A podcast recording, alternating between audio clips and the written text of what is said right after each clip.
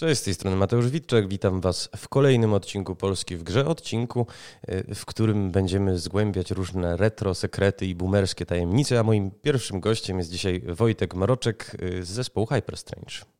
E, cześć, czyli zostałem ekspertem od boomerskich sekretów, jako boomer. No tak? właśnie pytanie, czy boomerskich, bo ty w jednej z rozmów przed spotkaniem uczyłeś mnie, żeby mówić boomer shooter, a nie retro shooter i mhm. odgroziłeś, odgrażałeś się wówczas, że wytłumaczysz nam na antenie dlaczego. Także scena jest twoja, dlaczego boomer shooter, a nie retro shooter. A wiesz co, to troszeczkę jest tak jak z zaimkami. E, jeżeli, jeżeli ktoś e, chce, żebyś używał do niego konkretnego zaimka, to, to wypada to zrobić twórcy boomer shooterów, których na, na świecie się zrobiło naprawdę całkiem sporo, nie wybrzydzają jakoś bardzo, tak? Jeżeli powiesz retro shooter albo throwback shooter, to, to, to, to, to się nie obrażą. Natomiast y, przyjęło się, że mówimy o swoich grach boomer shootery. To jest, to jest coś, co gdzieś wyniknęło a z głębin Forciana ktoś o, o, o którymś z y, tego typu shooterów napisał, tak trochę złośliwie oczywiście, boomer shooter, tak, czyli, czyli strzelanina dla boomerów. No, myląc oczywiście kompletnie chronologię, no bo nawet, nawet y, John Carmack i John Romero, tak, John Carmack to jest, to jest, to jest teraz 51-letni pan, a, y, a John Romero 54-letni, ale oni w dalszym ciągu jeszcze się na to pokolenie boomerskie nie łapią. Ale umeblowali wyobraźnię boomerów. Poniekąd. Między tak? innymi. Chociaż, Wiesz, jest, jest taki odcinek, w którym e, jest taki odcinek serialu Przyjaciele, w którym e, nie Joey, e, Chandler namiętnie gra w Duma. No to jeżeli Chandler urodził się przed rokiem 64, to, to, to, to jest boomerem, tak, i łapie się, ale z tego co wiem, to on już też jest tym pokoleniem X. Także to, to, to jakby ten boomer miał być taką troszeczkę y, zniewagą, to znaczy jesteś stary i lubisz takie gry. Natomiast jak to często bywa, to, to jest to zniewaga, którą, którą cała społeczność przytuliła do serduszka i potraktowała jako swoją. A, i, i, I teraz gremialnie twórcy tego typu strzelanin e, określają się właśnie, e, określają je właśnie mianem boomer shooterów. E, strzelanin dla boomerów, strzelanin dla starszego gracza, no ale sprowadza się to tak naprawdę mm, do mm, takiego jakiegoś e, genotypu takiej gry. E, właśnie do, do tego genotypu chciałem, mhm. o ten genotyp cię chciałem zapytać, to znaczy już nawet abstrahując od tego kłusowania na języku i przywłaszczanie sobie w ogóle określenia, które ma być pejoratywne, to okej, okay, w takim razie wiem, żeby mówić o boomer shooterach, tylko nie do końca rozumiem, czym boomer shooter jest. To znaczy zastanawiam się, czy to jest gatunek, czy konwencja. Czy to jest y, pierwszoosobowy shooter, który ma konstrukcję poziomów, czy kształtem rozgrywki nawiązywać do tego, w co się grało w lata 90., czy raczej właśnie chodzi o konwencję, o te piksele wielkości ziaren kaszy, o to low poly, eksplodujące głowy, oddawanie moczu tych przeciwników gigantycznych rozmiarów. Y, gdybyś mi to pomógł usystematyzować. Mhm. Wiesz co, jeżeli mielibyśmy na to patrzeć przez perspektywę gatunkizmu, to boomer shooter w dalszym ciągu jest shooterem, w dalszym ciągu jest FPS-em, e, w dalszym ciągu jest grą z perspektywy pierwszej osoby, w której biegasz ze spluwą i strzelasz do rzeczy, ludzi, potworów, czegokolwiek, tak? Więc, więc taka taksonomia może, może, może się nie do końca pokrywać z tym, co sobie wyobrażamy. E, na pewno boomer shooter jest shooterem, na pewno boomer shooter jest FPS-em, to, to, to, co mówisz jako cechy konwencji, no to, to, to są jakieś tam wybory estetyczne, bo jeżeli się dobrze zastanowimy, to wiele z tych y, nowszych boomer shooterów to, to, to, są, to są rzeczy absolutnie prześliczne. Jest taka gra chociażby jak Prodeus, która dostarcza niesamowitych estetycznych wrażeń. Jeżeli popatrzymy na y, serię Serious Sam, E, która, która miała w tym czy w zeszłym roku e, znowu e, jakąś tam nową swoją część, no to jeśli chodzi o gameplay, jest to absolutnie klasyczny boomer shooter. Mamy masę przeciwników, mamy takiego larger life bohatera, który, który lubi siać zniszczenie i, i, i jednocześnie mamy grafikę jak najbardziej high-endową, chociaż te modele może są proste, tak, ale ale efekty i, i, skala, tak, no to, to wygląda lepiej niż, niż Halo Infinite w tej chwili. Wiesz co Wojtek, pełna zgoda tutaj. Ja wcale nie twierdzę, że boomer shootery zresztą muszą być brzydkie, czy muszą być, y, nie wiem, bardzo y, rozpikselowane. Mhm. Y, Natomiast to nie przeszkadza, tak? Mhm.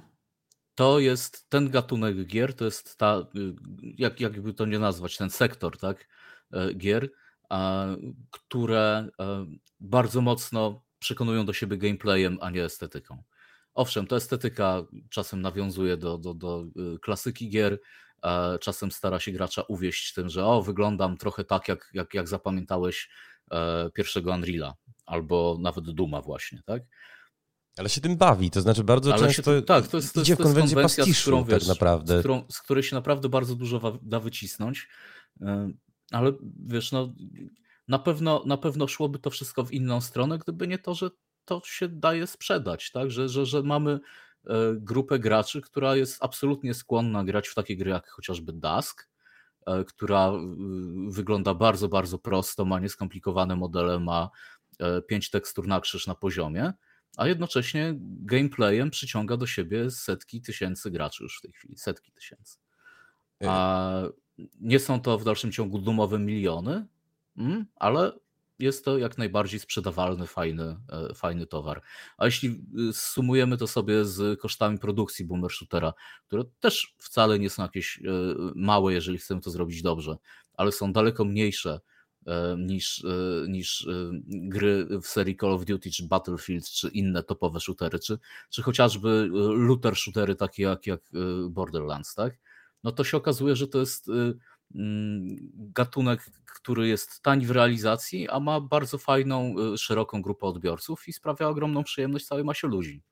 Więc to jest fajna nisza po prostu. Tak? I, i, I jeszcze y, do tego wszystkiego dodajmy sobie to, że jest jakiś taki y, wspólny duch w tych, w tych wszystkich grach, który ludzie wyczuwają, więc ta fanbaza jest taka dosyć mocno zintegrowana, ma, ma swój kod językowy, jak chociażby właśnie sam boomer shooter, ale jest tego dużo, dużo, dużo więcej sięgające do, do, do Duma, do innych gier. A, i, I okazuje się, że to jest taki naprawdę bardzo mm, tłusty kawałek rynku, który, który y, z perspektywy dewelopera warto jest eksplorować. Tym bardziej, że robienie tych gier to jest naprawdę wielka przyjemność. Yy, może i to jest wielka przyjemność, ale czy też wielkie wyzwanie, bo tutaj widzisz, zacząłem zastanawiać się nad tym, skąd ten wykwit, yy, nawet nie tylko na polskim rynku, chociaż yy, no jako polski game dev coraz częściej i coraz, coraz więcej donosimy o, o kolejnych przedstawicielach gatunku. Zastanawiam się, kiedy to się zaczęło, bo jak próbowałem sobie genealogię tego nurtu stworzyć, nie do końca chyba jestem w stanie. Tak naprawdę pierwsze, co mi przychodzi do głowy, to jest premiera remake'u Rise of the Triad od 3D Realms. Bardzo dobrze trafiłeś. Tak? Bardzo dobrze trafiłeś, też, też dokładnie stąd wywodzę sobie e, cały ten nurt.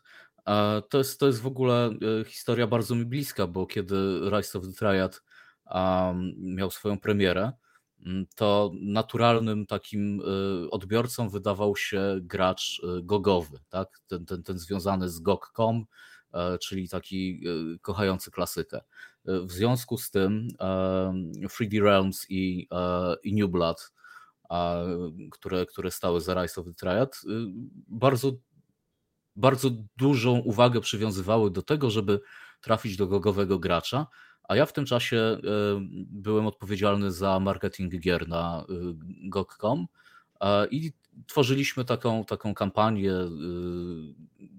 bardzo, bardzo, bardzo taką rozbudowaną właśnie dla Rise of the Triad, które no, finalnie okazało się nie najlepszą premierą, chociaż bardzo szybko udało się to twórcom mm, odwrócić. Tak? Bardzo, bardzo mocno słuchali fanów, pokazali, że, że, że, że są w stanie y, bardzo szybko naprawiać problemy e, i, i, i dorzucać nowy content, także odbili się szybko, natomiast na premierę to było tak sobie. Natomiast chcieliśmy włożyć w to jak najwięcej. I ta kampania była taka, powiedziałbym, na wypasie, a jeszcze w dodatku wtedy równolegle wyszła ta część Call of Duty, już nie pamiętam, która to było, które to był Call of Duty, w której po raz pierwszy mieliśmy czworonożnego kompana, był pies, więc dużo się mówiło o Call of Duty Dog. Rise of the Triad też miało swojego psa. No i namówiliśmy e, różnych youtuberów, żeby e, i, i nawet zwykłych użytkowników, żeby spróbowali przygotować taki e, trailer porównujący psa z Call of Duty z psem w Rise of the Triad. I oczywiście pies w Rise of the Triad wygrywał, no bo przecież Rise of the Triad naturalnie było lepszą od Call of Duty grą, bo bo nie miało mikropłatności, było nieliniowe i tak dalej, i tak dalej, i tak Quick dalej. time eventów, tak, tak. Nie tak. miało tak, dokładnie. I nie było press X to pay respects. Y, Drogi, bardzo fajnie, żeśmy ten temat koda w ogóle wzięli na tapet, bo to jest świetna wizytówka modern shooterów. Jasne, że w pewnych y, kolejnach gatunkowych ta seria oczywiście funkcjonuje, natomiast y, bardzo mnie ciekawi, jako lajka, czy istnieją jakieś takie y, cechy dystynktywne w ogóle tych boomer shooterów, o których możemy trochę naszym słuchaczom opowiedzieć. No bo siłą rzeczy, ostatnio chociażby grałem w Daska, no i od razu mi się rzuciło pewne takie opóźnienie w ruchu, którym y, y, musi gracz władać, y, brak stref trafień, ogromna dynamika tej rozgrywki, czy coś jeszcze? Jeszcze raz brak czego? Jeszcze raz, przepraszam? Bo powiedziałeś, że pewne opóźnienia, a potem jeszcze brak czegoś. Strefy trafień, to znaczy, to, wiesz, mogę... Aha, okej, hit, hitboxy. Hitboxy, tak, tak, tak, tak, tak. Nie typo. Mhm, mhm, rozumiem. A y, przede wszystkim tak doceniam bardzo, że tapet, a nie tapeta. A, Tak. dziękuję. Taki zawód, że muszę wiedzieć o najczęstszych błędach językowych. Mhm, mhm, to się ceni. Wiesz co, to jest troszeczkę tak, że dobrze jest wspomnieć o tym, że boomer shootery stoją w opozycji do głównego nurtu shooterów.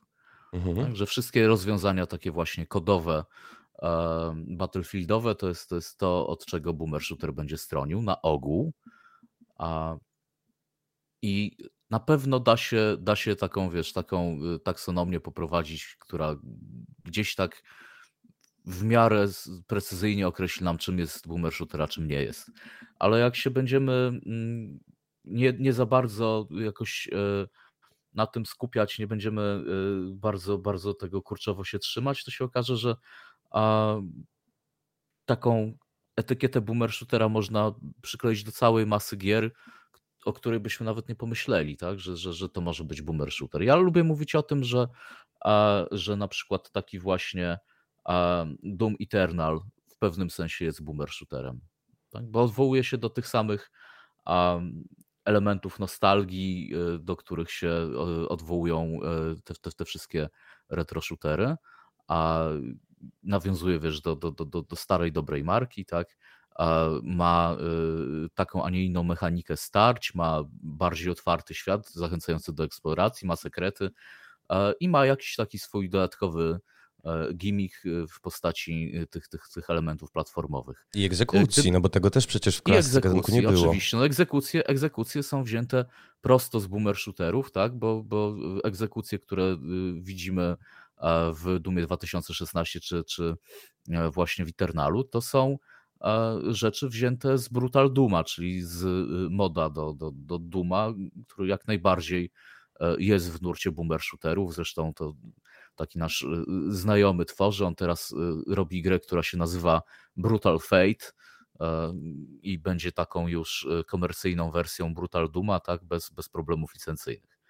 A to jest Mm, bardzo w ogóle ciekawe, że z Brutal Duma, który no jednak był projektem amatorskim, przeszło to rozwiązanie do głównego nurtu za sprawą id Software, które je sobie przywłaszczyło, E, a teraz zauważ, że się powoli staje chyba trochę gatunkowym standardem, no czego najlepszym dowodem e, nasz polski trzeci Shadow Warrior, który również zaimplementował ten mechanizm i wygląda to całkiem nieźle, zdaje się. No tak jest. A o Shadow Warriorze w ogóle bardzo, bardzo chciałem też wspomnieć, bo Shadow Warrior mm, w bardzo ciekawym momencie się pojawił, bo właśnie mieliśmy e, tego y, Rise of the Triad a, i, i nagle okazało się, że ludzie chcą grać takie, w takie tradycyjne shootery. A, I to wydaje mi się, że, że, że nie minęły nawet dwa miesiące, chociaż musiałbym to teraz sprawdzić, od momentu premiery Rise of the Triad, kiedy e, ogłosiliśmy e, w Gogu, że o tutaj teraz znowu można kupić Shadow Warriora. Tak, że Shadow Warrior trafia na Goga, że, że, że ta licencja została e, odzyskana, że ktoś się tym zajął. Tak, był to Devolver Digital. I w miarę jednocześnie ogłosili również, że a, nikomu y, szerzej nieznane y, na świecie studio Flying Wild Hog będzie pracować nad nową wersją Shadow Warriora, nad, nad takim rebootem. A, Przyjęcie tego pomysłu było koszmarne. Naprawdę? Gracze, gracze Gogowi, ale nie tylko gracze Gogowi, wytykali Shadow Warriorowi od, od hogów, że jest tak zwanym cash grabem, tak? czyli że, że, że chcą szybko zarobić na, na znanej marce, że odchodzi strasznie od, od, od, od tego, czym Shadow Warrior był, że ten Lo Wang to nie jest ich Lo Wang, bo ich Lo Wang jest staruszkiem z brodą z filmów kung fu, a tutaj jakiś taki wyszczekany młody mafiozo azjatycki. No, nie podobał się strasznie Shadow Warrior. Nie podobał się okropnie i, i nawet w dniu premiery kiedy tylko można go było kupić i ocenić, to on zaczął dostawać recenzję 1 na, na, na 5, a potem ludzie zaczęli w niego grać. Te recenzje zaczęły, zaczęły puchnąć e, do, do, do pięciu gwiazdek i, i, i nawet jeden użytkownik e, napisał, że, że, że przeprasza, co, co, co bardzo, bardzo rzadko zdarza się graczom, że przeprasza, bo wystawił recenzję nie grając, ale zagrał i, i, i jest przekonany, do tego pomysłu i, i odszczekuje to, co powiedział, i że Shadow Warrior jest naprawdę świetną grą, chociaż inną niż ten oryginalny Shadow Warrior. Gracz odszczekujący był... negatywną opinię, no to się rzeczywiście nie zdarza. Zdarzyło nam się to kilkakrotnie y, w Hyper Strange, bo my bardzo lubimy rozmawiać z graczami i przekonywać ich troszeczkę do tego, że się mylą i czasem się udaje, czasem nawet youtuberów się udaje przekonać, że że może jednak źle ocenili y, naszą grę i może po patchu zagrają jeszcze raz. A Natomiast tak, to jest, to jest rzeczywiście bardzo rzadkie i Shadow Warrior podbił serca. To się, to się Hogom niesamowicie udało.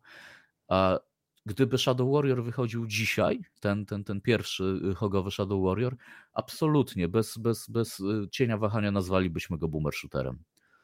Yy, wiesz, to są takie trzy właściwie serie, które się doczekały nowożytnych odsłon i które wydają mi się takimi kamieniami węgielnymi tego nurtu. Yy, to jest wspomniany Doom, to jest Shadow Warrior oczywiście, ale to jest też Wolfenstein. Zastanawiam się, bo yy, to są wszystko cykle, których nowe odsłony się sprzedały no, w wielomilionowych nakładach. Czy istnieje jakiś sufit właściwie, ponad którego twórcy boomer shooterów nie są w stanie y, doskoczyć. No bo y, próbuję oszacować komercyjny potencjał w ogóle tego nurtu, tej konwencji i, i może tu byś mi mógł pomóc. Mhm. Wiesz co, no bardzo będziemy się starali zbadać ten sufit naszym postalem Brain Damage,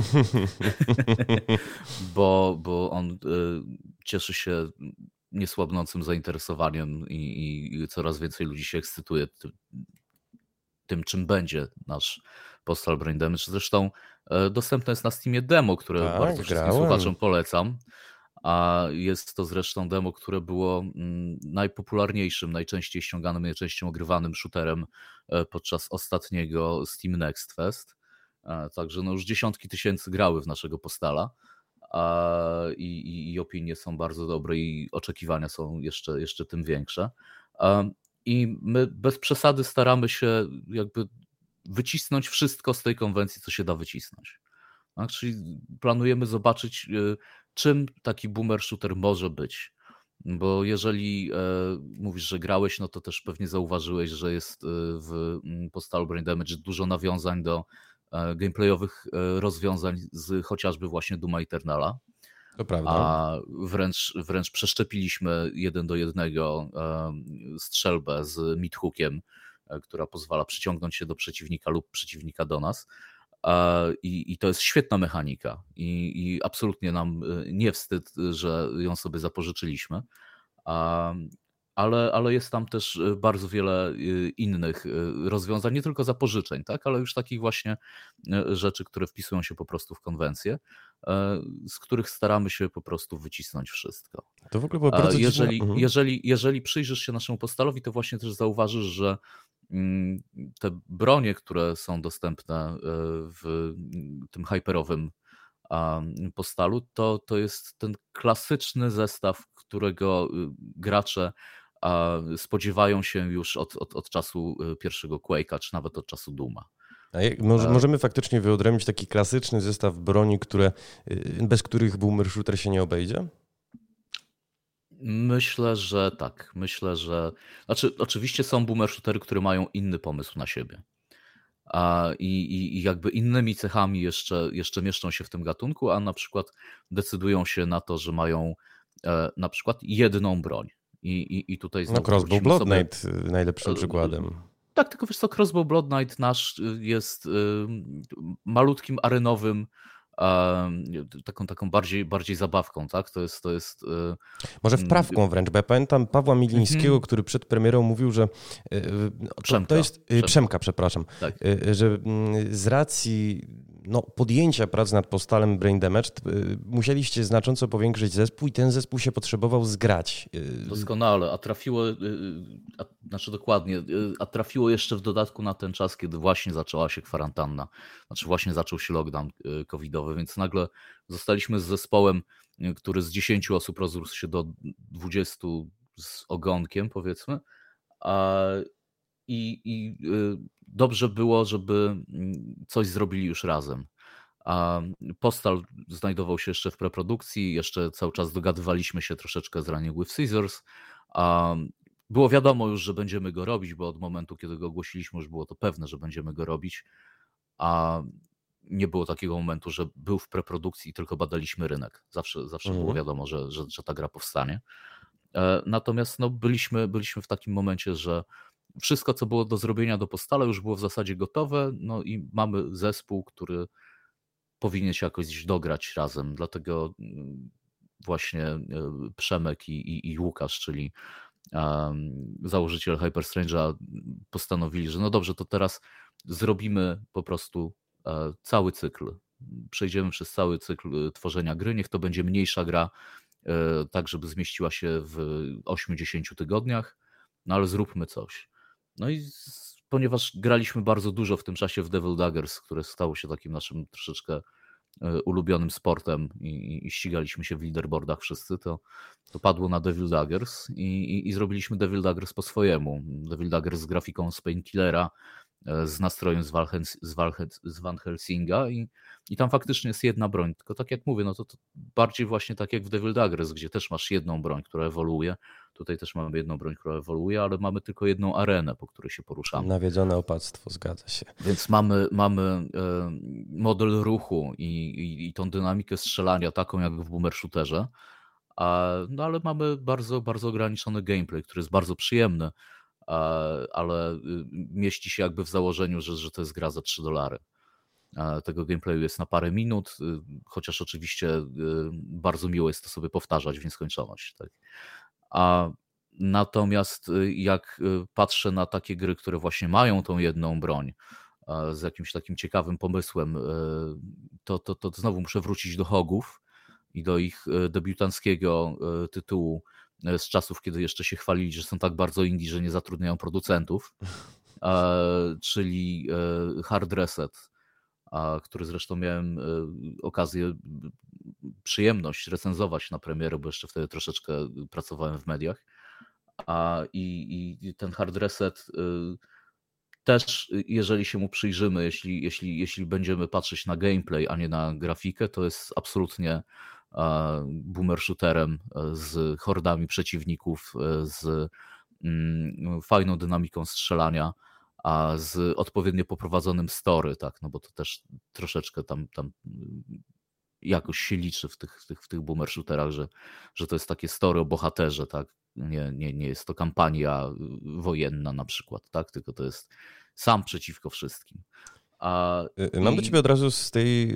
Dobrze, że do mm, kazusu hard reseta nawiązałeś, ponieważ y, Michał Szustak, jak w ogóle zakładali Hogi, jak no, grupa maruderów opuściła pokład People Can Fly, doskonale wiedział, że chcą robić tego typu shootery. Zastanawiam mnie, czy wy od początku wiedzieliście, że chcecie robić boomer shootery, no bo nie jest tajemnicą, że wasz debiut, myślę tutaj o Elderbornie, był raczej heavy metalowym slasherem i bliżej mu było do, nie wiem, Xenoclasha, Dark Messiah of Might and Magic albo do y, bardzo klasycznego Die by the Sword niż, y, niż do Shadow Warriora, Wolfensteina czy Duma.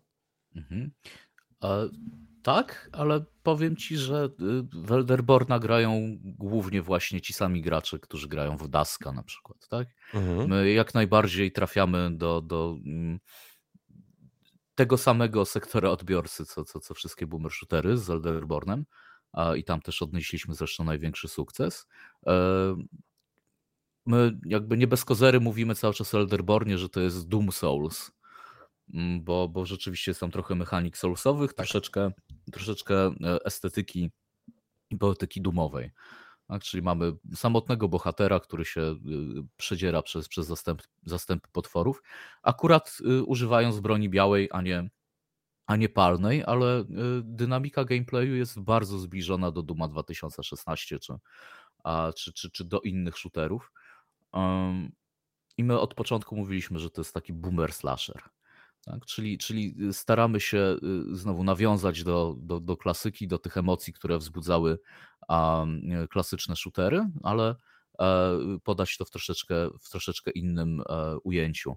A natomiast y, to warto zaznaczyć, że e, Elderborn miał być wprawką i miał być dużo mniejszą grą, tylko ewoluował i, i ostatecznie powstawał przez 5, prawie 6 lat. Natomiast założenie było takie, że robimy Elderborna. No, jeszcze nie było wówczas moje założenie, to było założenie Przemka i Łukasza, którzy zaczynali we dwóch sami. Chcieli zrobić Elderborna y, szybko, wydać go i y, zdobyć budżet na robienie y, shootera. Ten, ten, ten shooter tak naprawdę jeszcze nie powstaje, bo, bo Postal Brain Damage jeszcze nie jest tym shooterem, dla którego, dla którego powstał Hyper Strange. A to jeszcze nie jest y, jakby to, co gdzieś tam dalej w naszych ambicjach leży, ale znowu e, Postal Brain Damage miał być e, czymś, co e, zrobimy mm, szybko, sprawnie na, y, na znanej licencji, więc jakby zyskamy sobie i, i, i większą publikę i przy okazji pozyskamy większy budżet, tak, i, i będziemy w stanie zrobić tego naszego wspaniałego shootera, o którym cały czas myślimy. Ten wasz wspaniały shooter będzie oparty na jakiejś licencji, czy autorska marka? A nie, nie, nie powiem ci jeszcze nie tego. Powiesz. Dobrze, dobrze, to... Nie powiem ci jeszcze tego, natomiast y, y, z Postalem stało się y, podobnie jak z Elderbornem, to znaczy kiedy już Hyperspace zaczął robić tę grę, to momentalnie się w niej zakochał i zaczęliśmy cyzelować każdy szczególik, a jeszcze potem okazało się, że mm, community Postala cała, cała ta wielka zbiorowość graczy, no bo Postal się sprzedał w milionach kopii, i to jest bardzo e, aktywna społeczność i, i, i zaskakująco zgrana. Na Discordzie Running with Scissors są tysiące osób, na, na forach są tysiące osób, tysiące osób słuchają podcastu. Wydawałoby się, że, że, że gra taka jak Postal będzie gromadzić wokół siebie ludzi, którzy może nie do końca będą przychylni małemu studiu z Polski, które y, porywa się na, na, na, na, zrobienie czegoś na ich ulubionej marce. Tak? A tutaj się okazało, że zostaliśmy przyjęci tak niesamowicie ciepło, tak przytuleni do serca i jednocześnie dostaliśmy tony, naprawdę tony, e, brzydko powiem po angielsku, feedbacku, tak? Mhm. A, że naprawdę wielką przyjemnością jest tworzyć tę grę. I ona się y, z, oryginalnego pomysłu trochę rozrosła, ale przede wszystkim e, szybko zaczęliśmy celować w wyższy e, pułap dopracowania niż, niż to sobie oryginalnie założyliśmy.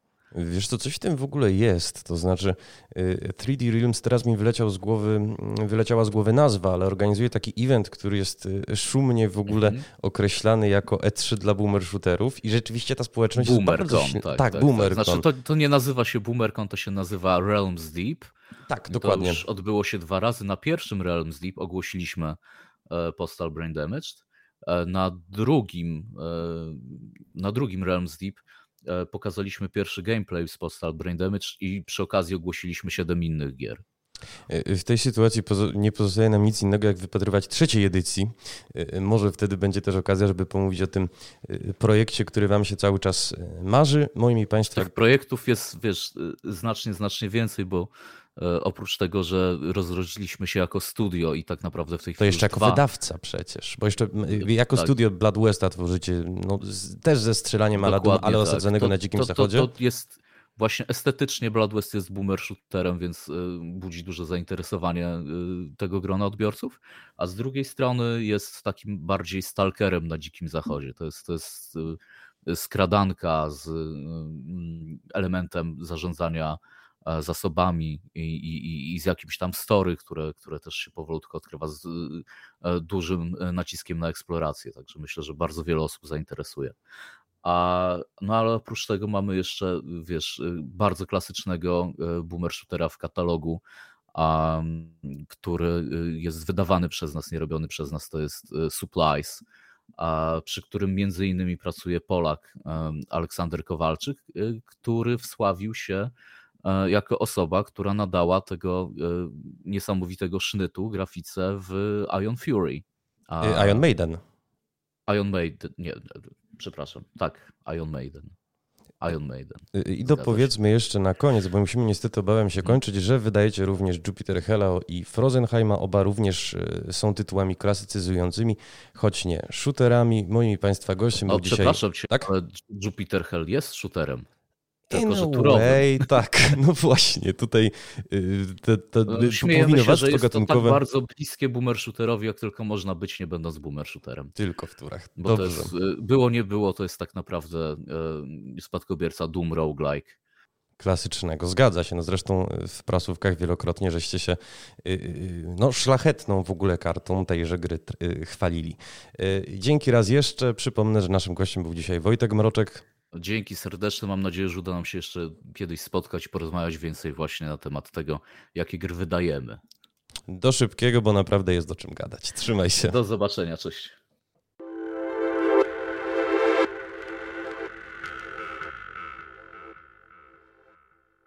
Boomer shooter potęgą jest i basta. Y, gdy mu mówię te słowa, Jakub cisło dłubie nad Project Warlockiem 2, Cobble Games pracuje nad Chains of Fury, Hyper Strange uwija się przy Postal Brain Damaged i Blood Westie, Gruby Entertainment ogłosiło właśnie Deadlinka, a pewnie i Shadow Warriora 3 moglibyśmy do tej przegródki zaliczyć. Y, naszymi gośćmi są dziś natomiast Bartosz Pluta, prezes Ion Wolf, a więc autorów Inspe Nazi Busters. Witam serdecznie. Oraz Ernest Christian, szef Byte Barrel, ojców i matek Forgive Me Father. Witam serdecznie. Y, panowie, zacznijmy może od kwestii tyleż prozaicznej, co zdaje się fundamentalnej. Czym ten boomer shooter w ogóle jest? Ernest, chcesz przejąć to pytanie? Poko, znaczy, no, czym jest boomer shooter? Eee, w takim e, krótkim, e, zwięzłym zdaniu, no to jest coś dla nas, dla e, e, gości, nie tyle co może gości, ale ogólnie e, chłopaków z sąsiedztwa, którzy siedzieli na, na, na, na Strzepaku i w latach 90. wymieniali się poglądami na temat e, tego, co zrobili w Dumie czy w Quake'u, tak teraz właśnie mogą wrócić sentymentalnie do tych wspaniałych czasów i, i, i, i przypomnieć sobie, jak to było. E, więc pokrótce ja to tak widzę i tak widzę boomer shootera i retro shootera de facto, jakim on jest. A jest różnica między boomer shooterem a retro shooterem, czy to synonimy? E, znaczy, ogólnie rzecz biorąc, z mojej perspektywy, to zdecydowanie e, jakaś tam e, jest różnica, bo boomer shooter bardziej jednak jest, tak jak powiedziałem, dla nas. Retro shooter to jednak m, trochę może celować w niższe e, albo w młodsze społecz- e, osoby, które chcą grać w jakieś ciekawe gry, które nawiązują do, do starych gierek.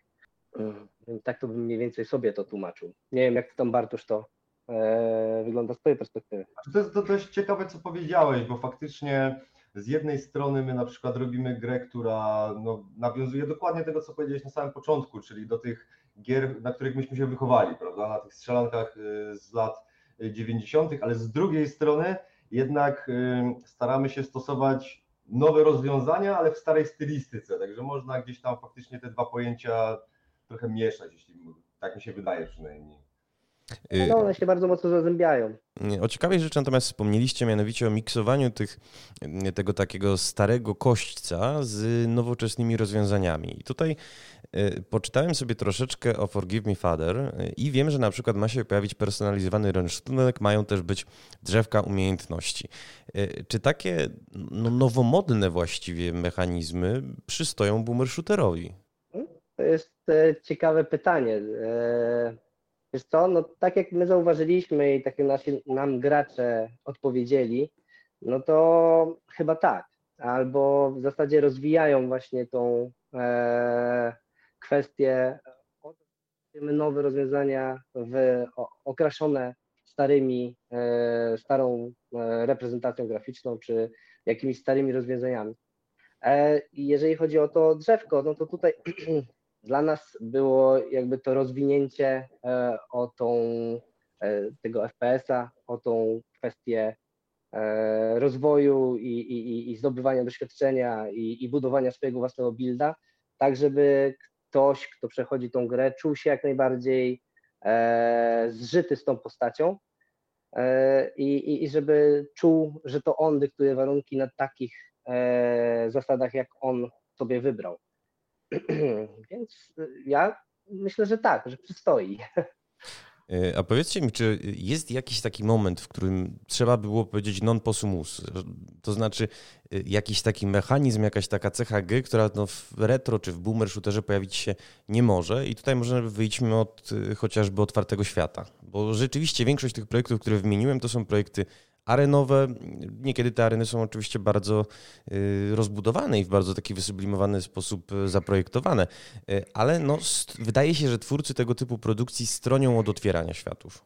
Znaczy zazwyczaj, zazwyczaj jednak jak, jak już idziemy w kierunku tych, tych naszych retro strzelanek, to, to mamy, mamy jednak rozgrywkę zwyczajowo single player i, i ta, te mapy są budowane jednak w takim stylu, żeby tak, tak liniowo przebiega ta, ta cała rozgrywka. Natomiast ja również odnosząc się do tego, co przed chwilą y, Ernest powiedział, wydaje mi się, że trochę everything goes, czyli ok, podajemy ludziom starą stylistykę, ale ja na przykład nie widzę y, problemu w tym, żeby w takim w takim shooterze w starej stylistyce pojawiło się drzewko, drzewko umiejętności. Na przykład się z tym nie spotkałem, ale byłoby to dla mnie ciekawym rozwiązaniem. Jak się sprawa ma, jeżeli chodzi o otwartych światów? No ja bym ja nie do końca, nie do końca mi się w tym konkretnym przypadku, bo mhm. na przykład lubię serię GTA, ale w tym konkretnym przypadku nie do końca y, widzę, żeby to, żeby to miało zastosowanie. Natomiast no, jeśli gameplay się sprawdza, to, to dlaczego nie?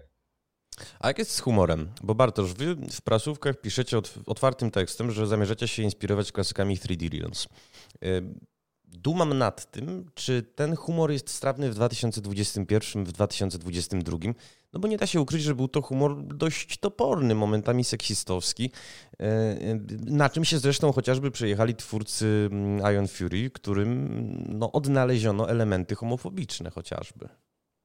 Znaczy no, nie ukrywam, że yy, no... Że, Bardzo dobrej grze nawiasem mówiąc.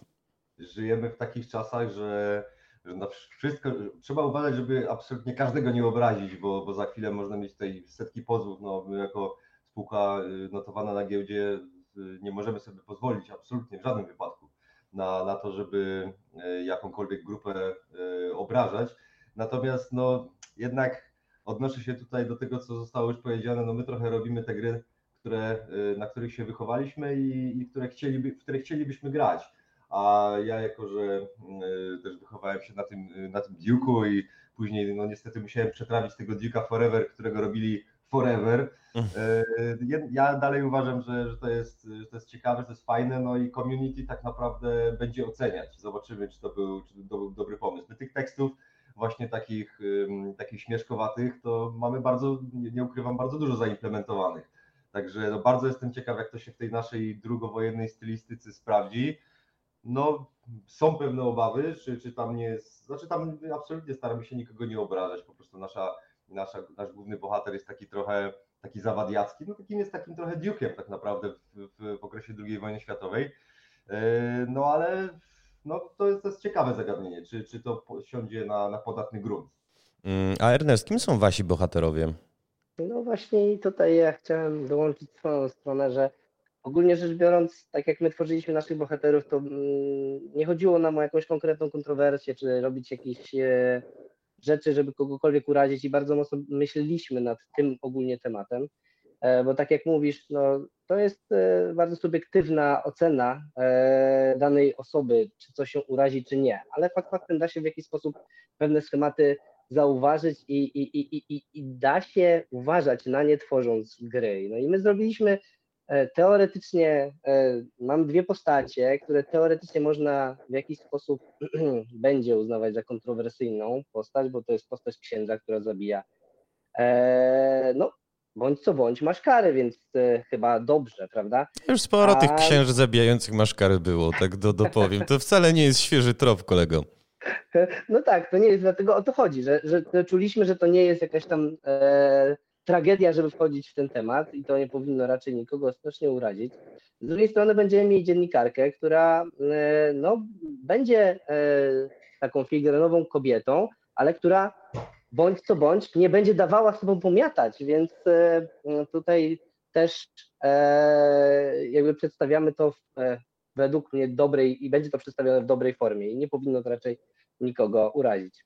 A kto tam u Was, Ernest, jest, jest antagonistą? Z kim tam walczymy? Jeszcze raz powiedz, bo chyba nie dosłyszałem. Z własnym szaleństwem. Znaczy, antagonistą ogólnie e, mamy hordy przeciwników, którzy są e, zmutowanymi postaciami e, z danego, w danym świecie, w którym e, ksiądz odkrywa pewną mroczną tajemnicę, która jest związana z tym światem. I to są teoretycznie ludzie, którzy e, w sposób właśnie e, zaczerpięty z e, Lovecraftiańskiego folkloru, folkloru, że tak się wyrażę, mhm. no w jakiś, jakoś mutują, w jakiś sposób mm, przekształcają się w inne i przerażające stworzenia. My je nawracamy na, na dobrą ścieżkę, rozumiem. No, shotgunem i rozwalając głowy, tak. Prawidłowo, ja to szanuję. Naziści i Lovecraftowskie potwory.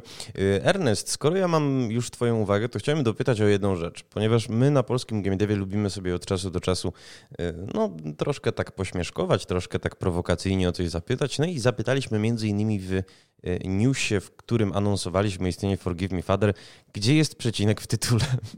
Ponieważ rozpaczliwie go brakuje i nie wiem, czy to jest decyzja, no, która ma jakąś podbudowę, czy, czy może nie. Nie, no jak najbardziej. Generalnie my stwierdziliśmy, że, tego, że ten przecinek sobie po prostu darujemy e, i, i, że nie będzie on aż tak się rzucał w oczy, e, szczególnie jak spojrzysz na logo. No, logo zostało tak skonstruowane, że tego przecinka e, może nie tyle co nie było gdzie wcisnąć, ale bardziej nie był potrzebny i po prostu sam samo logo z siebie oddziela odpowiednie segmenty i można to przeczytać e, dobrze, że tak się wyrażę. Więc e, stwierdziliśmy, że tego przecinek po prostu sobie darujemy i strona, znaczy anglojęzyczna gracze nie, nie wykazywali jakiegoś zbulwersowania czy jakiegoś problemu. Tylko te polskie upierdliwe media do, dosypały do pieca. Ale pytam o ten przecinek nie bez przyczyny, to znaczy mm, wiecie co panuje taka obiegowa opinia i może warto was z nią skonfrontować, że te retro shootery się robi no trochę łatwiej, bo też y, community jest w stanie wybaczyć y, więcej błędów, no nie tylko brakujący przecinek, zwłaszcza, że no właśnie, to są produkcje nie tylko klasycyzujące, ale też często bardzo zabawne i można jakieś mankamenty, jakieś bugi y, no ukryć pod płaszczykiem humoru.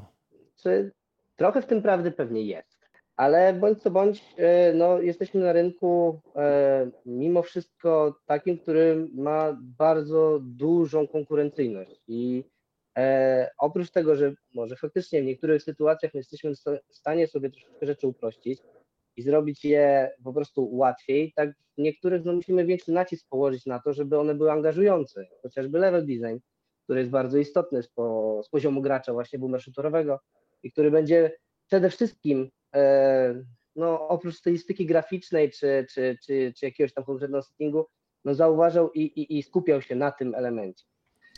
Ale czy level design też nie jest prostszy? No bo jednak macie do zaprojektowania areny, a nie jakiś cały wielki, funkcjonujący w czasie rzeczywistym świat.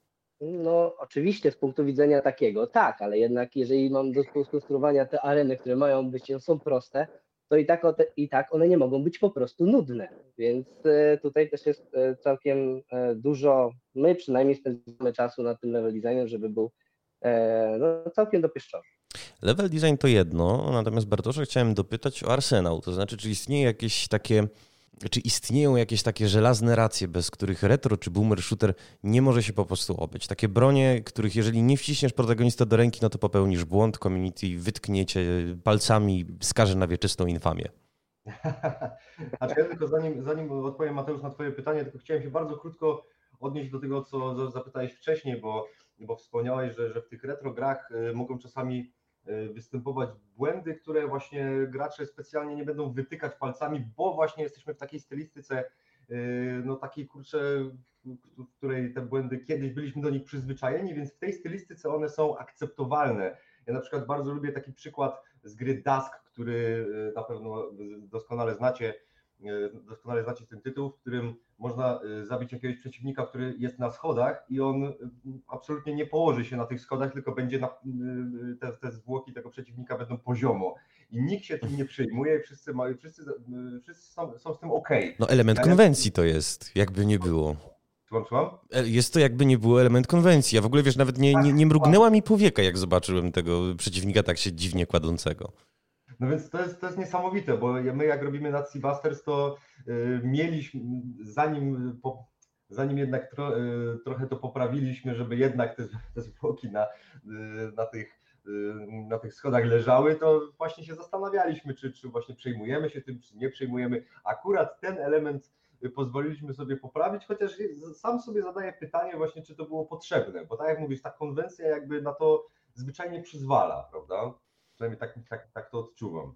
Natomiast odpowiadając na twoje, na twoje poprzednie pytanie co do Arsenału, no my akurat w naszym Nazi Busters e, obracamy się w naszych tutaj znanych i lubianych e, przez nasze community tematach drugowojennych, no więc u nas nie mogło absolutnie zabraknąć takich klasyków, prawda, jak MP40, MG42, y, Luger, natomiast to, są, to jest taki podstawowy arsenał, a jako, że idziemy trochę krok dalej, krok dalej, idziemy trochę w stronę Wolfensteina, czyli takiego trochę Weird War, będziemy, y, właśnie implementujemy, in, implementujemy bronie, które y, właśnie bardziej są związane z Wunderwaffe, czyli te, które były testowane podczas II wojny światowej, ale tak naprawdę nigdy, nigdy nie weszły do masowej produkcji, na przykład y, karabiny z wykrzywionymi lufami i z, z lusterkiem, żeby można było strzelać do przeciwników za, za jakiegoś rogu, za jakiejś kolumny.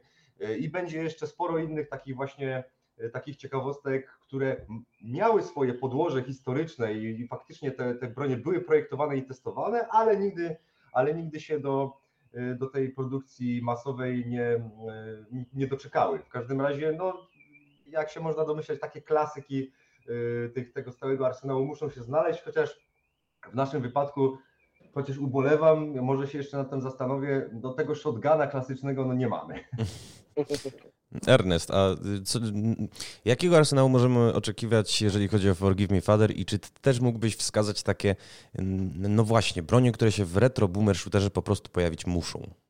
No, ja przyznam, że no, dla mnie w retro shooterze broń, która pojawić się musi, no to musi być ten shotgun.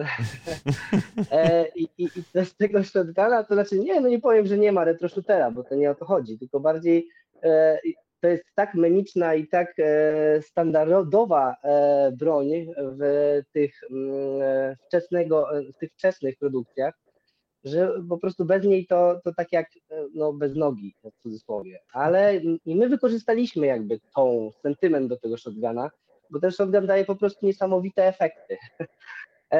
No, zapewne Mateusz, grałeś tak naszą grę, więc widziałeś, jak dużą uwagę przykuwamy do e, krwi i do tego, w jaki sposób ona się zachowuje po odpowiednich, e, przy odpowiednim e, zabijaniu gracza. I ten shotgun musiał dawać tą, ten feeling po prostu potęgi. I, I, zazwyczaj właśnie w grach ten shotgun jest takim, takim miejscem, który ci daje taką bronią, która ci daje bardzo duże pole do popisu w bardzo krótkim dystansie i niesamowitą frajdę w rozrywaniu e, przeciwników E, no jakby swoją zasadą działania. To jest taki, taka podstawowa broń, która, która powinna być. Natomiast my jeszcze mogliśmy, że tak powiem sobie, trochę e, pofrunąć w temacie broni i, i zrobić parę e, ze zwykłych broni teoretycznie, bo mamy tak naprawdę ewolucję u nas broni i, i to one zaczynają odbiegać od rzeczywistości, no, dzięki temu, że pracujemy w takim settingu. I ten setting jest o tyle wdzięczny, że mogliśmy po prostu zrobić bronie, które no, jak zagracie w jakieś tam update'y, czy, czy, czy w pełną wersję gry, no to będą e, dosyć, w mojej ocenie, dosyć fajnie odjechane i będą dawały taką satysfakcję graczowi, że można zabijać wrogów ciekawie. Ja cię, e... Ernest, jeszcze o jedną rzecz muszę dopytać w związku z tym settingiem. To znaczy, y, powiem ci zupełnie prywatnie. Ja się jako odbiorca czuję już trochę zmęczony adaptacjami Lovecrafta. No bo ta popularność Lovecraftowskich tropów jest niekwestionowana. Otwarcie lub nie się do samotnika z Providence przecież odwołują i twórcy Bloodborna, i Amnezji, i The Sinking City, Call of the Sea, The Shore, Alana Wake'a. Mógłbym bardzo długo wymieniać.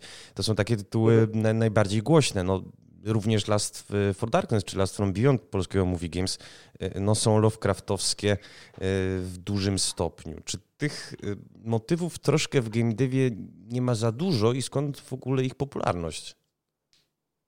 Znaczy, no, w mojej ocenie e, a popularność jest spora, ale chyba jeszcze, że tak powiem, nadchodzi ta wielka popularność tego e, motywu. No, pierwszego bardzo prozaicznego powodu. No, Lovecraft wszedł do domeny publicznej, więc można z niego bardzo dużo korzystać. Drugą bardzo ważną kwestią tego settingu i ogólnie opowiadań Lovecrafta jest to, że one są ściółką do wyobraźni. One mają mnóstwo niedopowiedzeń. One mają, e, znaczy one mają dużo takich miejsc, gdzie można faktycznie podziałać swoją wyobraźnią i swoją kreatywnością i wyobrazić sobie tą samą rzecz e, w 50 różnych sytuacjach, w 50 różnych settingach i, i, i, i rozwiązaniach, więc e, jakby to daje takie ogromne pole do popisu e, twórcom, żeby zaprezentować swoją myśl, e, właśnie podciągając to pod Lovecraft, Lovecraftiańską myśl, no i o ile oczywiście jestem w miarę w tym uniwersum, nie? Więc jakby ten okultyzm i, i, i jakby te potwory takie charakterystyczne, no bardzo dają fajne pole do popisu grafikom, e, chociażby tak, żeby e, mogli wyzwolić swoją kreatywność jak najbardziej. I chyba tu e, jest taka najbardziej istotna kwestia, która daje e, tą dużą popularność temu settingowi, temu tematowi. Jeden problem mam. To znaczy, z jednej strony ok, jest to, jak bardzo malowniczo określiłeś, ściółka dla wyobraźni. Z drugiej jednak strony w twórczości Lovecrafta Y, ważne jest to osamotnienie jednostki i ta jej małość względem no, no wielkich, przedwiecznych sił, które y, y, napędzają świat, rządzą nim i właściwie no, będą przesądzać o jego zagładzie.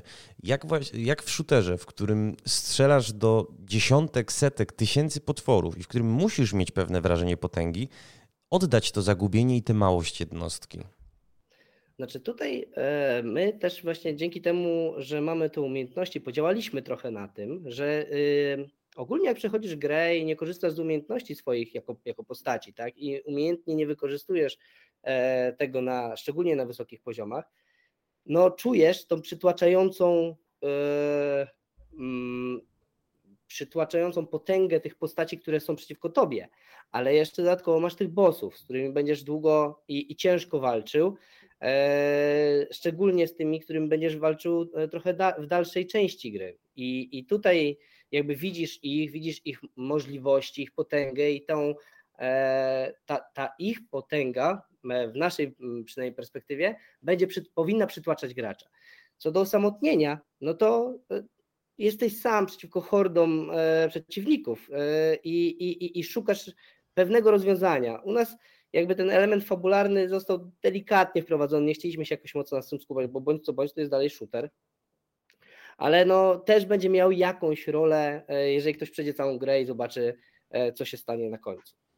A jak silny jest ten komponent fabularny w Nazi Busters? Bo mm, no, grą, która bardzo skutecznie i bardzo fantazyjnie E, bawiła się realiami drugowojennymi, był ostatnio Wolfenstein. No, dylogia bądź trylogia, zależy czy ten spin-off wliczamy, jest znana z tego, że w dużej mierze jest no, właściwie interaktywnym filmem. Te cutscenki w drugiej części zajmują, jeżeli się nie mylę, e, ponad dwie godziny.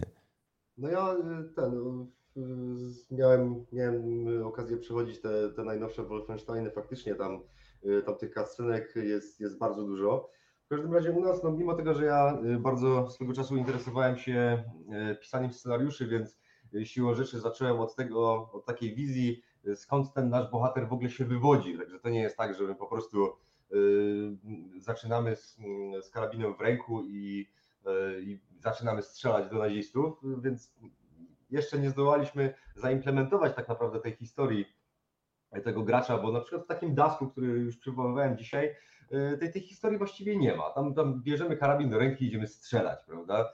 Znaczy jest, jest tam dosłownie jedno zdanie wprowadzenia i to jest tyle na ten temat. Ja miałem taką wizję, że, że, ten, nasz, że ten nasz komandos amerykański jeszcze przed atakiem na Pearl Harbor gdzieś czyta o, o tym, co się dzieje w Europie, o tym, jak Hitler przejmuje co, kolejne państwa i on w pewnym momencie się wkurza i, i, leci, i leci do Europy, żeby zrobić porządek. Oczywiście ta, ta, historia ma, jest, jest bardzo uproszczona, no bo jednak, jednak tutaj nie będziemy produkować nie wiadomo jakichś cutscenek i tak dalej. No, jest pewna linia fabularna, która toczy się od pierwszej misji do ostatniej, no bo zaczynamy od zaczynamy od misji, w której e, musimy zatopić e, w stoczni niemieckie, niemieckie uboty, a kończymy w 45 w Berlinie. Także gdzieś tam ta oś fabularna, taka, taka delikatna, umówmy się, tam nie ma, nie ma większej jakiejś tutaj, nie ma, nie ma dziesiątek stron scenariusza, tutaj nie będę ukrywał. Natomiast gdzieś tam przynajmniej historycznie staramy się być mniej więcej adekwatni, a w to wplatamy właśnie te, te aspekty Wunderwaffe, czyli właśnie jakieś latające spotki, które również były, również były testowane i, i, i, faktycznie gdzieś tam jakieś eksponaty do dzisiaj na świecie, y, przynajmniej jeden czy dwa takie egzemplarze się ostały. Jakieś eksperymentalnej broni, y, czy też y, pracami nad, nad bronią atomową, także wszystkie te elementy właśnie Wunderwaffe będziemy wplatać troszeczkę właśnie w ten, w ten rys historyczny, żeby się to wszystko mniej więcej zgadzało. Mm, nomen omne rysuje się to interesująco. Y, na koniec, Bartek, ja cię chciałem trochę wziąć pod włos, jeżeli pozwolisz. Miało. Y, to znaczy, ostatnio Ion Wolf debiutował na giełdzie, swoją drogą gratuluję. Y, I podczas wystąpienia ty powiedziałeś takie mocne słowa, które widzę, że rezonują na, na Twitterze, rezonują na Facebooku. Mianowicie stwierdziłeś, że preprodukcje to okłamywanie graczy. Tu ważne zastrzeżenie, nasi czytelnicy słusznie zwrócili uwagę, że mowa raczej o fejkowych trailerach i tej metodzie, e, no właśnie, wypuszczania na, na Steamie w 2019, w 2020, e, no czegoś, co ma przypominać grę wideo, jest karta katalogowa, są w cudzysłowie screeny wzięte w cudzysłowie trailera, on oczywiście nie ma nic wspólnego z buildem, bo tego builda po prostu nie ma. Tak. E, powiedział Bartosz takie zdanie podczas debiutu Iron Wolfa, czy takie zdania, mają Państwo świadomość, jaki szał był w 2019-2020 roku na tworzenie tak zwanych preprodukcji, na tworzenie trailerów. To był bardzo ciekawy pomysł pod kątem biznesowym. Wypuszczały zespoły trailer, sprawdzały, czy jest zapotrzebowanie, czy jest community graczy, który chciałoby zagrać w taką grę. No i jeśli tak, to zespoły kierowały grę do produkcji. Niestety ten trend miał pewien problem i zasadniczą wadę, mianowicie okłamywał graczy, a jak się robi gry komputerowe, to nie wolno graczy okłamywać. Zdania bardzo miłe uchu, nie da się ukryć, natomiast yy, tak no, muszę piłeczkę do twojego ogródka wbić, mianowicie oglądając trailer Nazi Busters i screeny z Nazi Busters, miałem wrażenie, że to są materiały, które pochodzą z dwóch różnych projektów. Przyznam szczerze, że yy, przyznam szczerze, że robiliśmy te rzeczy równocześnie, czyli chcieliśmy pokazać, chcieliśmy pokazać już yy, zapowiedzi, chcieliśmy pokazać tak naprawdę yy, stronę na Steamie, a build już powstawał i już działał tylko po prostu na, yy, na, na boksach. To był jeszcze to był jeszcze prototyp. Także jakby cała, cały sens tej wypowiedzi polega na tym, że my jako Iron Man Studio tworzymy gry, które zapowiadamy. I jakby cały sens tej, tej wypowiedzi właśnie miał podłoże y, takie, że bardzo dużo zespołów y, puszcza, tak jak powiedziałeś i słusznie mnie zacytowałeś, puszcza trailery do gier, które, których tam nie ma nawet jednego, y, jednego członka zespołu, prawda? My ten, my jak wypuszczaliśmy ten, ten trailer, to projekt już powstawał, ale tak naprawdę chcieliśmy powoli budować community do, do i wishlistę do projektu, który po prostu już już hula, prawda, który ma swój zespół, ma swojego level designera, programistę i tak dalej, i tak dalej. Także z jednej strony rozumiem o, o, co Ci chodziło, ale tak jak podkreśliłem i tutaj się z tego nie wycofuję, po prostu robiliśmy już projekt, który zapowiedzieliśmy. Rozumiem, bardzo chwalebne nawiasem mówiąc podejście, po prostu troszeczkę się uśmiecham pod nosem, że występujesz przeciwko fejkowym trailerom, a ten trailer tak wydaje się z buildem nie mieć za wiele wspólnego. Ale dobrze, że wspomniałeś o wishlistach, bo też podczas Twojego wystąpienia na giełdzie pojawił się ten temat. I zwróciłeś uwagę na ich spadającą rolę, no właśnie, w związku z tym, że zwłaszcza jako Polska przodujemy w no, preprodukcjach, biorę w duży cudzysłów, bo chodzi właśnie o ten mechanizm, o którym mówiłem. Oczywiście preprodukcja jest normalnym etapem tworzenia gry, nie, nie o to mi tutaj konkretnie chodzi. Na ile ty... Ja tylko chciałem powiedzieć jedno zdanie, nie gniewaj się, przepraszam, że ci wejdę w Jasne, słowo. oczywiście.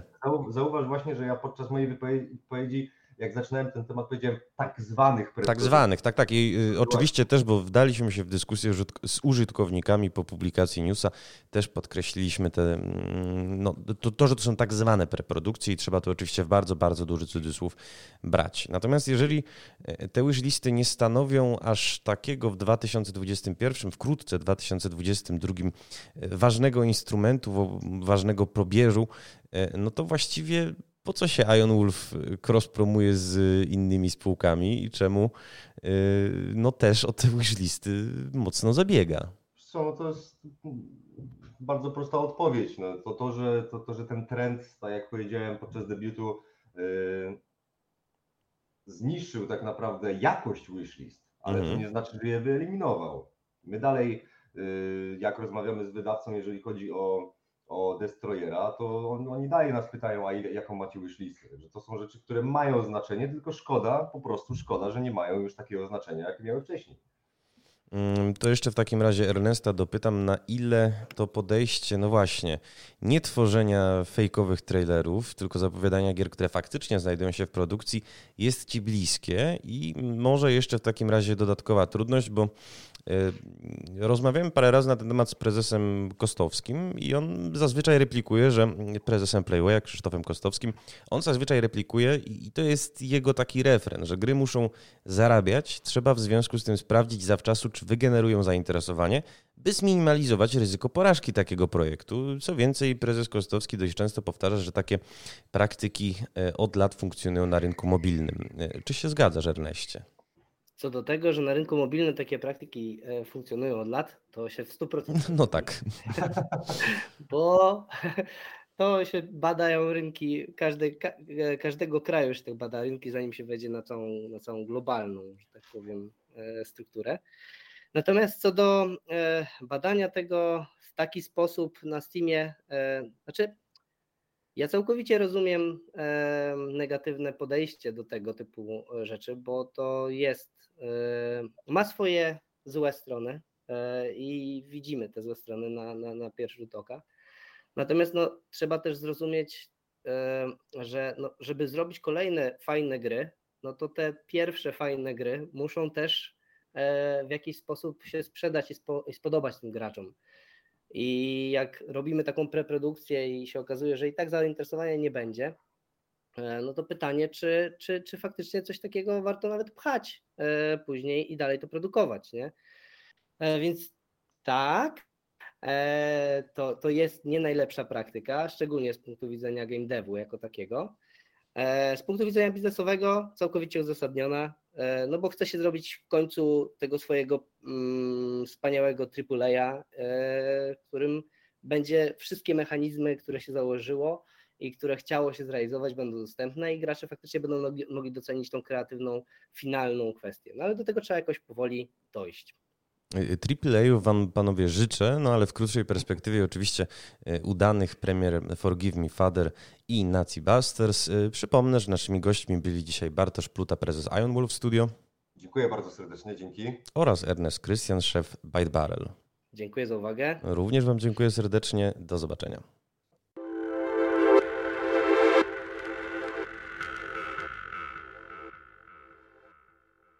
Podcastu wysłuchaliście dzięki wsparciu State of Poland, totalizatora sportowego i KGHM Polska Mieć SA.